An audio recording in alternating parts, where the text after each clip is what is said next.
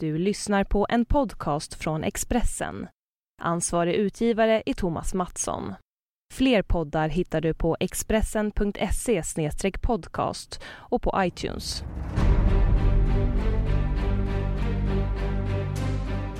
En fattig bonde från djupaste Småland startade den svenska historiens största uppror och utmanade själva landsfadern Gustav Vasa. När Nils Dacke firade jul 1542 gjorde han det som levande legend och ledare för Småland. Ett år senare var han död, skjuten i ryggen och förrådd av sina egna män. Du lyssnar på Expressen Dokument om Sveriges blodiga historia. Del 4, Den svenska rebellen av Daniel Lagerqvist. Jag som läser heter Sofia Börjesson.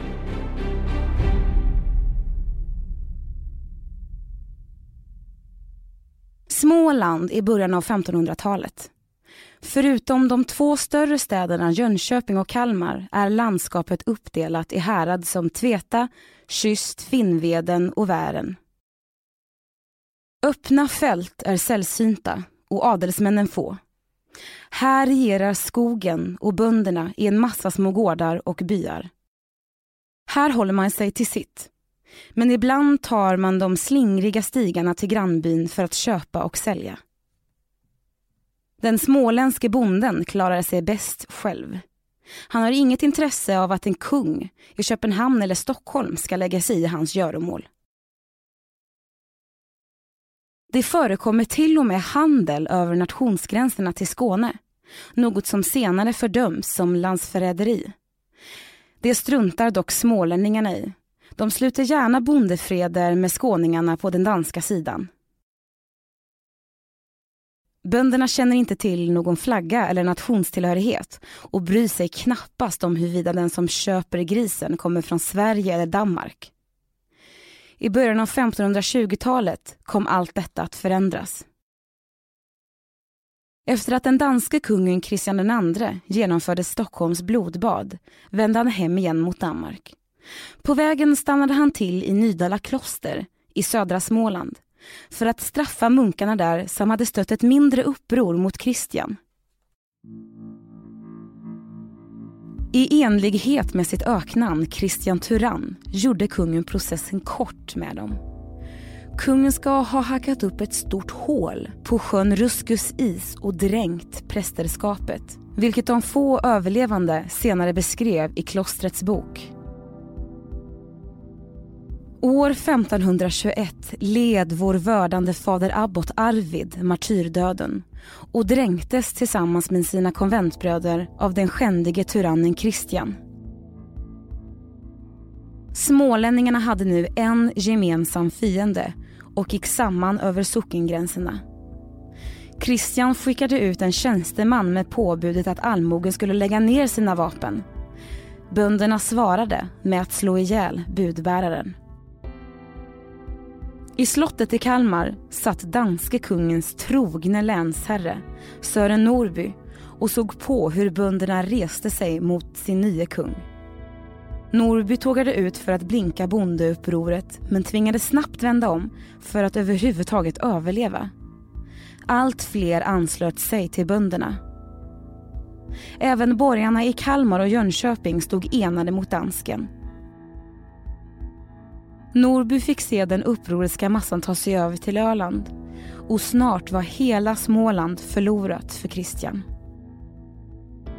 Under denna upproriska tid i Småland växte Nils Dacke upp. Trots att han har blivit en legend vet man relativt lite om hans härkomst. Vi vet inte ens med säkerhet när Dacke föddes. Men troligen var det någonstans mellan 1502 och 1512 precis vid den småländska gränsen till det då danska Blekinge. Nils släkt var fattiga torpare och uppväxttiden i Torså söder om Kalmar var tuff. Lite senare flyttade familjen till Flaken i Rödby socken. Ett område känt för sina upproriska invånare men också för sin livliga gränshandel mellan bönder i Småland och Blekinge. Dackes liv i Flaken ska ha varit fattigt och jämfört med de andra boende områden var hans nybygge väldigt magert och svårodlat. Livet var hårt för Nils Dacke. Mera välbärgade bönder såg ner på folk som Dacke. Gränsen mellan Dackes likar och de som levde i skogen var ibland svår att dra.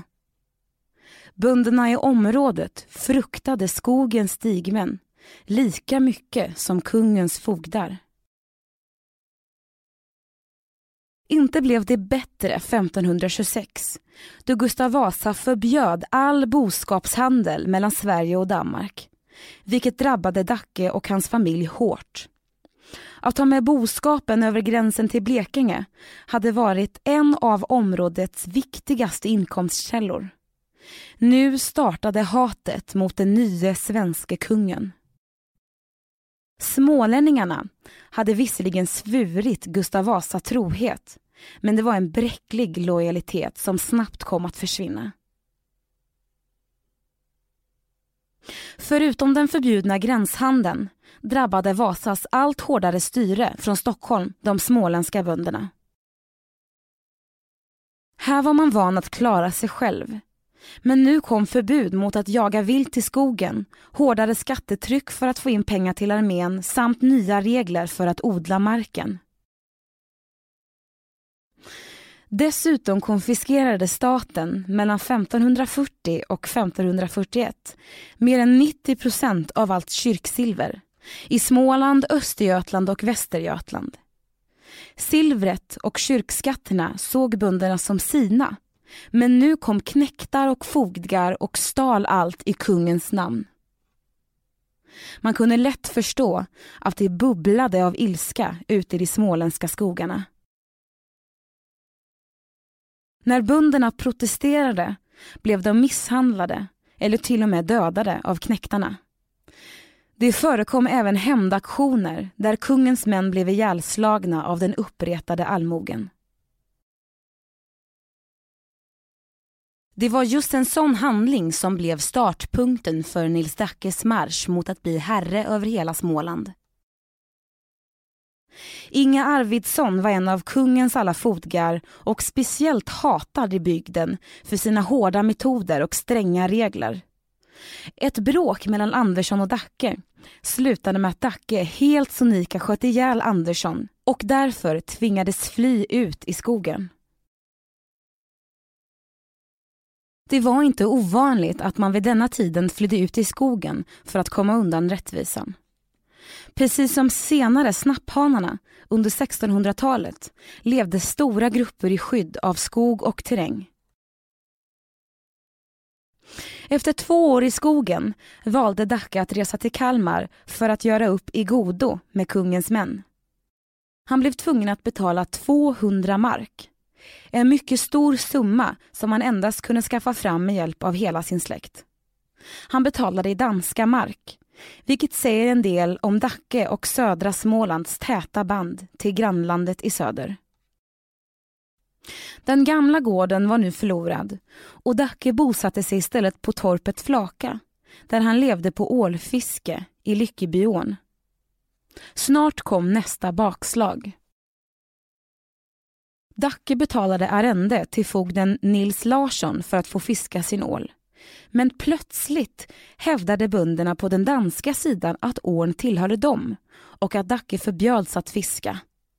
Dacke kände sig lurad av Nils Larsson och när denne senare dödade en svåger samt en kusin till Dacke brast det för den kommande upprorsmakaren. En söndag, strax före midsommar 1542, var tiden inne för hämnd. I den ljumna junivinden la sig Dacke tillsammans med 30 män i bakhåll vid Nils Larssons gård i Voxtorp. Dacke började med att skjuta en pil som genomborrade halsen på underfogden Nils Andersson som var på väg in till gården.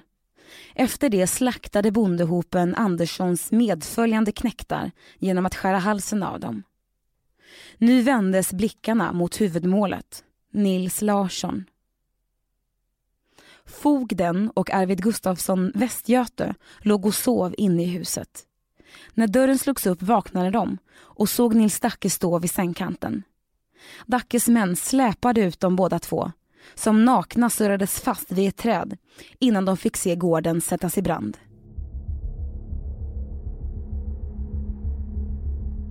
Nilsson ska ha försökt köpa sig fri men Dacke var obeveklig i sin hämndiver och sköt dem båda som hundar. Bara timmar senare hade Dackit skjutit ihjäl ännu en hatad fogde i trakten. Gudmund Pedersson Slatte. När fogdens huvud separerades från kroppen och sattes upp på en stång vid den nerbrända gården var signalen till Smålands bönder tydlig. Vi har fått nog.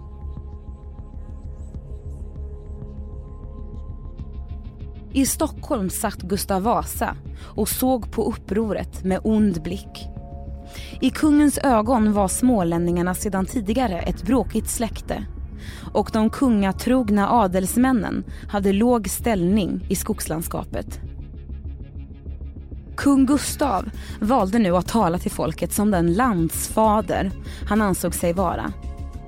Han fördömde smålänningarna som ett gäng bakåtsträvare vi har förstått att ett allmänt tal och mening är uppkommen hos allmogen att begära det som gammal och fornt varit haver, skrev Gustav Vasa till sitt folk. Han raljerade med vad han såg som att Dacke ville ta ett steg tillbaka i utvecklingen. Kungen själv framställdes däremot som en riksbyggare som visserligen tog ut skatter men endast för att skydda landet mot fiender. Och var det inte så att han hade undvikit krig de senaste 20 åren?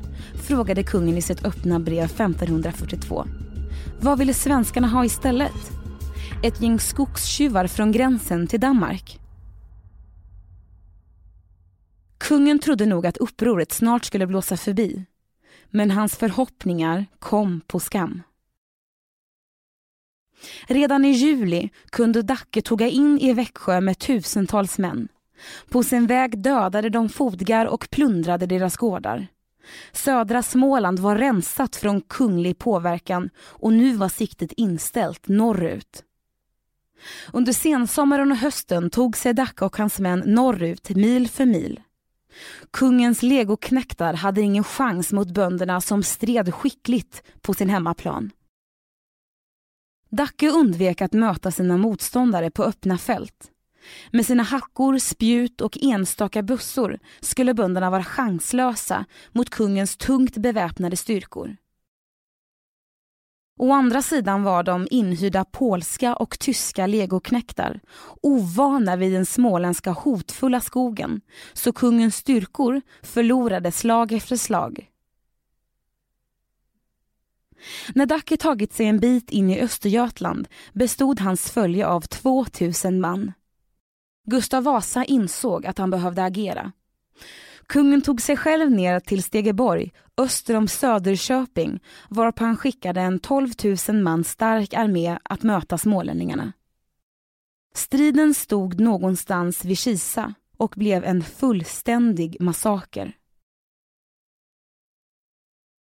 Att det är svårt att exakt placera var styrkorna drabbade samman beror på att kungen i efterhand ville tysta ner allt.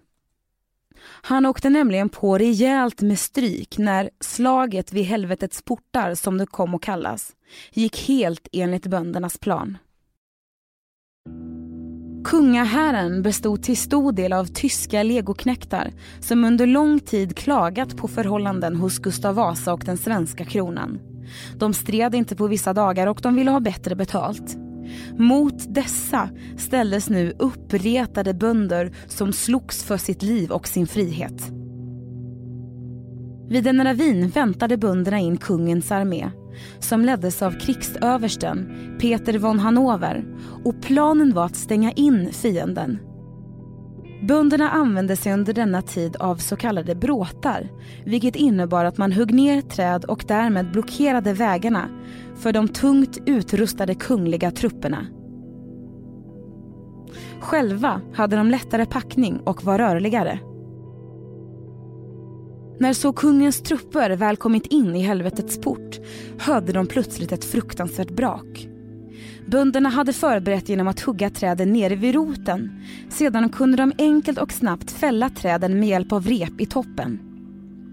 På en given signal drog upprorsmakarna i repen, träden föll och bildade en mur framför och bakom den kungliga armén. På sidorna stängde berget in soldaterna. Nu dök bondeherren upp på trädhögarna och uppe på berget. Ett regn av pilar och kulor sköljde ner över kungens folk. Av de 1200 soldaterna ska endast ett fåtal ha överlevt infernot. Författaren Stig Linnell skriver i boken Gåtfulla platser i Sverige om slaget vid Kisa. Han noterar att det vid platsen står en tre meter hög så kallad bautasten. Ingen text eller inskription finns på stenen men ett av namnet den har fått är Dackes sten. Klart är att Gustav Vasa var ordentligt skärrad efter massakern vid Kisa. Han skrev till sin hövitsman i Stockholm att nu hänger detta Östergötland så gott som på en silkestråd. Dacke hade under hösten skickat 500 smålänningar med båt över till Öland för att förmå ölänningarna att resa sig mot kronan. De var inte särskilt svårövertalade. När Dackes män stod vid gränsen till Södermanland och Närke hade han kontroll över Småland, Öland och större delen av Östergötland. Gustav Vasa satt själv i slottet i Stegeborg men trots de tjocka murarna kände han sig inte säker. Skulle Dacke tåga mot Stockholm? Kunde han eller andra lokala upprorsmakar sprida oroligheterna till Dalarna och Bergslagen? Kungen insåg att han behövde mera tid för att samla styrkorna och anade att Dackers upprorsmän på sikt skulle tappa i styrka. Därför erbjöd Gustav Vasa upprorsmakaren Nils Dacke fred den 8 november 1542 och smålänningen vände hem igen. Överenskommelsen mellan Dacke och kungens förhandlare i Linköping innebar att Dacke lovade kungen trohet och att hans armé av bönder skulle hjälpa kungen vid attack från både främmande makt och vid inhemska hot. I geneld skulle upprorsmakarna ges amnesti och Gustav Vasa skulle även göra något för att lindra skattebördan som låg bakom upproret. Exakt hur blev dock aldrig bestämt. Samtidigt satt furstar i nuvarande Tyskland och följde utvecklingen i Sverige med stort intresse. Gustav Vasa, som nu slogs mot upprorsmakaren Nils Dacke, var själv en uppkomling och de tyska furstarna gillade inte den långadlige nye svenske kungen. Att han dessutom störtat den rättmätige kungen, dansken Kristian II, gjorde inte Gustav Vasa mer populär. Av den anledningen fick Nils Dacke i samband med freden med Gustav Vasa besök av budbärare från furstarna i norra Tyskland. De var beredda att stödja Dackes uppror och slutligen adla den fattige torparsonen om kriget gick väl. Dacke var dock inte speciellt intresserad. Möjligen var det nu som hans krigslycka vände. Nils Dacke var aldrig ute efter hela Sverige. Hans mål var ett fritt Småland där folket själv fick bestämma. Så Dacke avvisade tyskarnas uppvaktning. Möjligen ett oöverlagt beslut eftersom Gustav Vasa enligt vissa uppgifter hade tankar på att självmant avgå. Hur hade Sveriges historia i så fall sett ut? Det kommer vi aldrig få veta.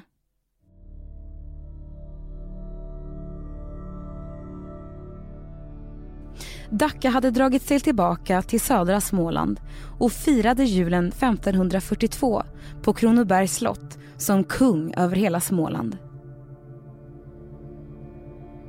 Normalt sett var slottet hemvist för biskopen men nu drack Dacken julen som det sägs i trakterna. Nils Dacke hade slängt ut kungens män ur landskapen och återinfört de katolska gudstjänstinslagen som Gustav Vasa hade förbjudit under reformationen. Dacke hade sina problem med lokala bönder som tyckte att han bestämde för mycket.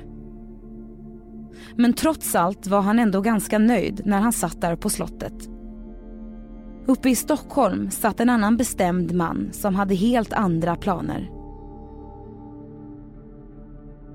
Dick Harrison, professor i historia vid Lunds universitet, författare och känd från SVTs På spåret, har studerat Dacke och hans uppror mot Gustav Vasa.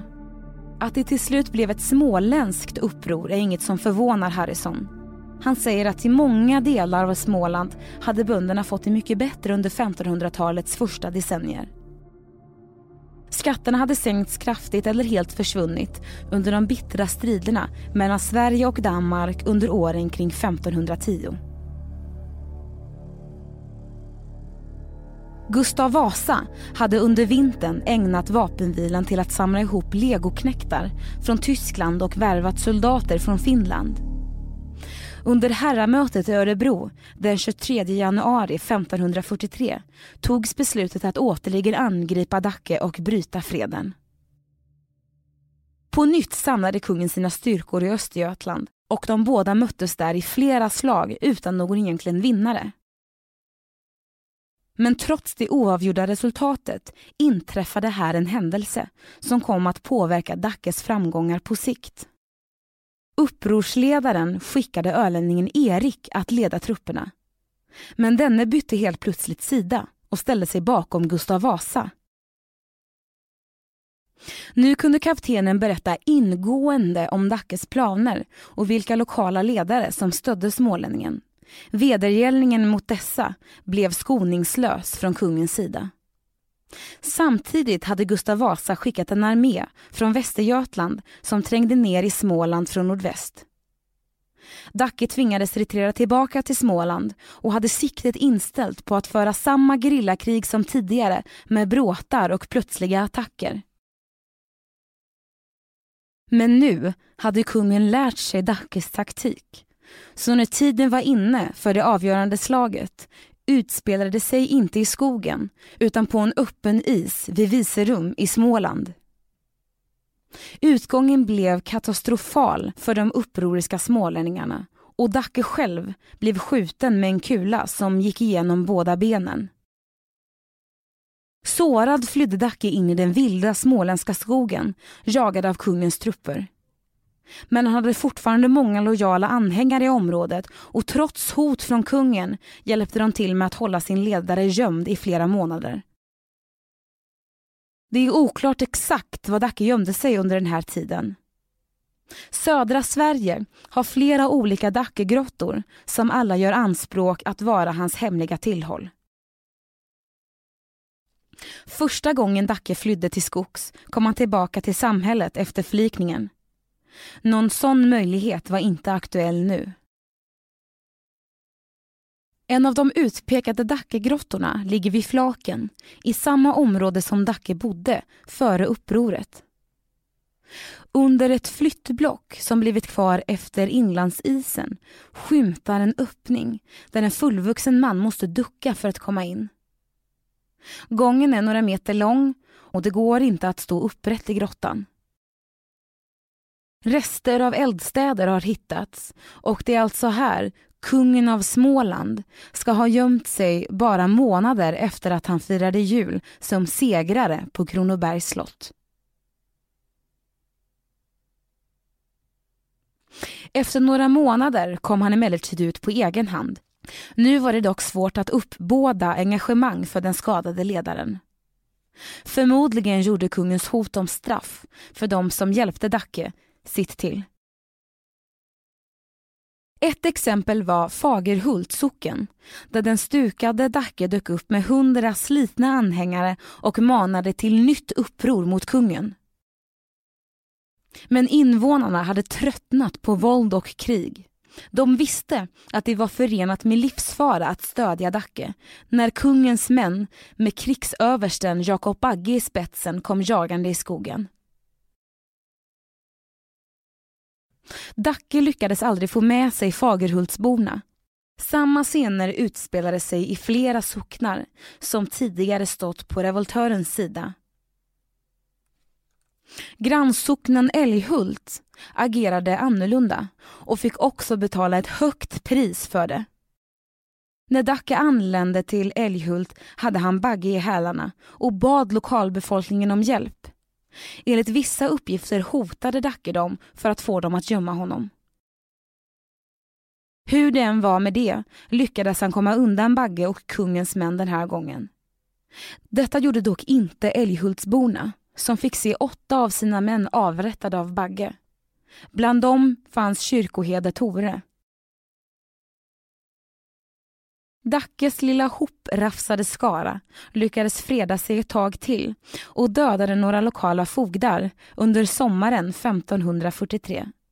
Men den 1 augusti skulle sagan om Nils Dacke få ett abrupt slut.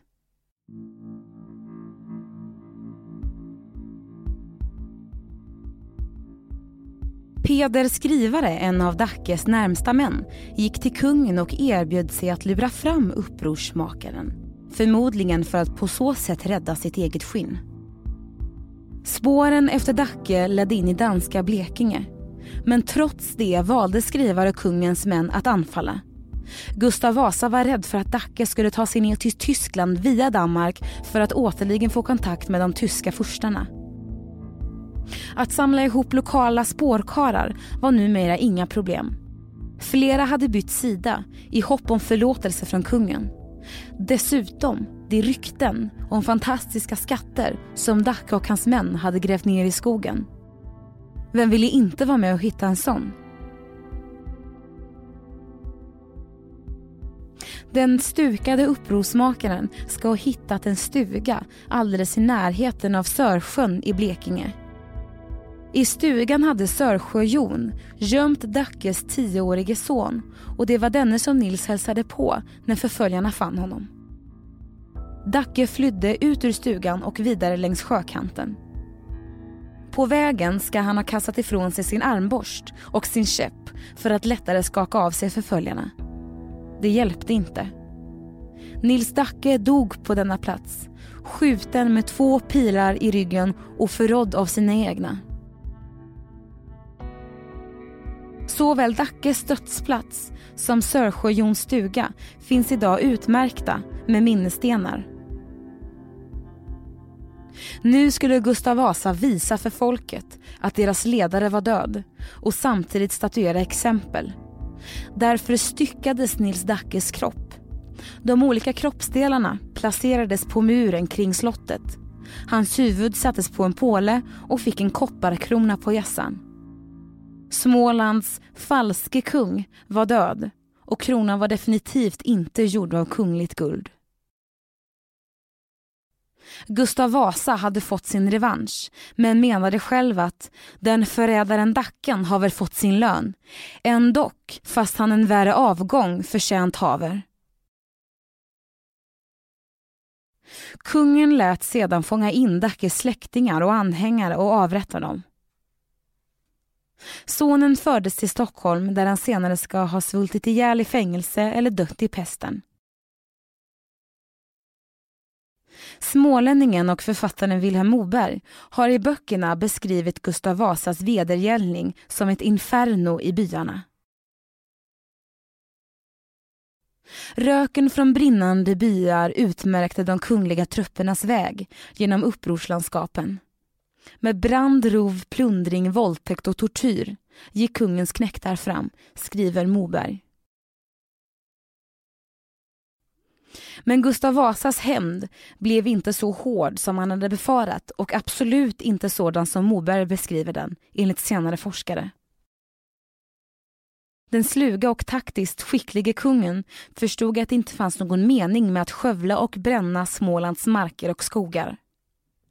Istället valde Gustav Vasa att skicka en del av den kvarvarande bondehären till Finland där de fick bli soldater. Dessutom skapade kungen en egen folkarmé i Småland som senare kom att spela en stor roll i Sveriges krig mot andra länder. Kungen hade vid sina tidigare nederlag imponerats av de småländska böndernas stridskonst som var mycket bättre än de inhyrda europeiska legoknektarnas. Nu kunde han spara pengar och istället använda sig av folk som redan tillhörde hans rike och som brukade hans jord. De var dessutom mycket billigare i drift. Så kom det sig att småländska bönder gick från att strida mot Gustav Vasa till att ingå i hans spetstrupper och bilda egna småländska kompanier under den svenska fanan. När Gustav Vasa till slut samlat ihop sin folkarmé bestod den av 15 000 man. Inte mindre än 5 000 av dem var smålänningar. Även flera ledare för Dackes uppror skonades från galgen och fick framskjutna placeringar i den svenska militären.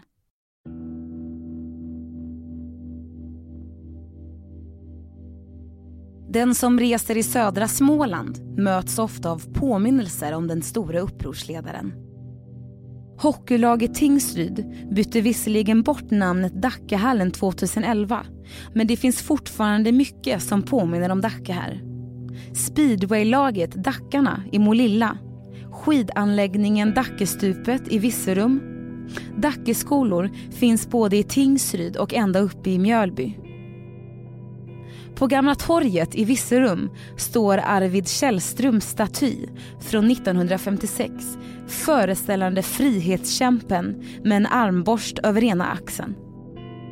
Dessutom har Dacke gett namn till gator på många platser i Småland.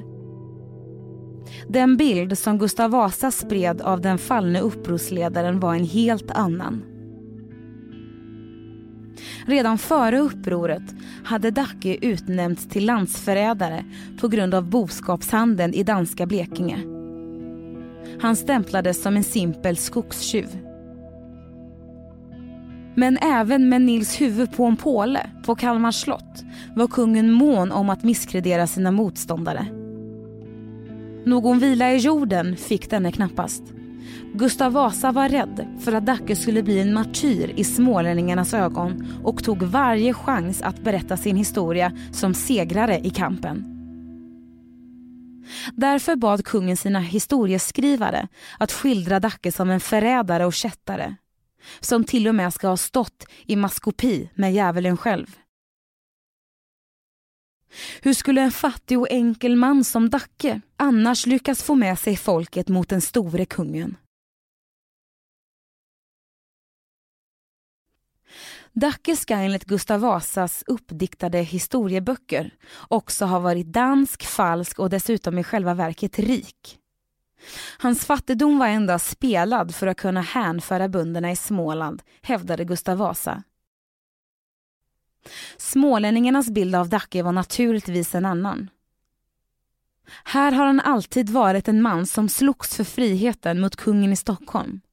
Det fanns till och med historier om att Nils inte hade dött den där dagen i augusti 1543 och att det inte var hans huvud som satt på en påle i Kalmar.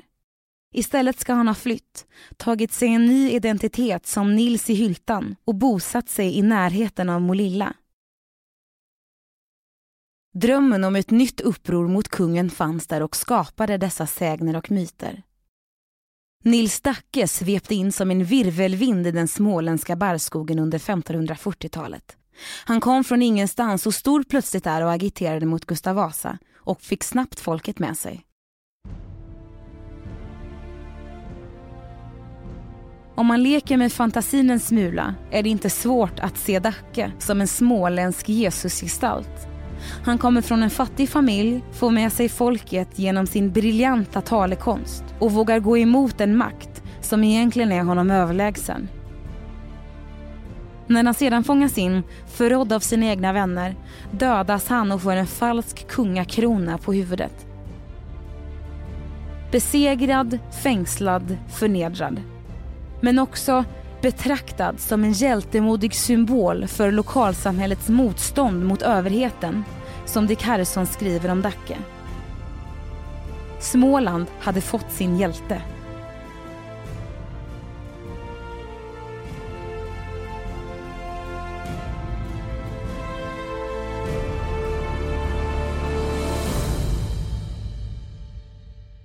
Du har lyssnat på en podcast från Expressen. Ansvarig utgivare är Thomas Mattsson. Fler poddar hittar du på expressen.se podcast och på iTunes.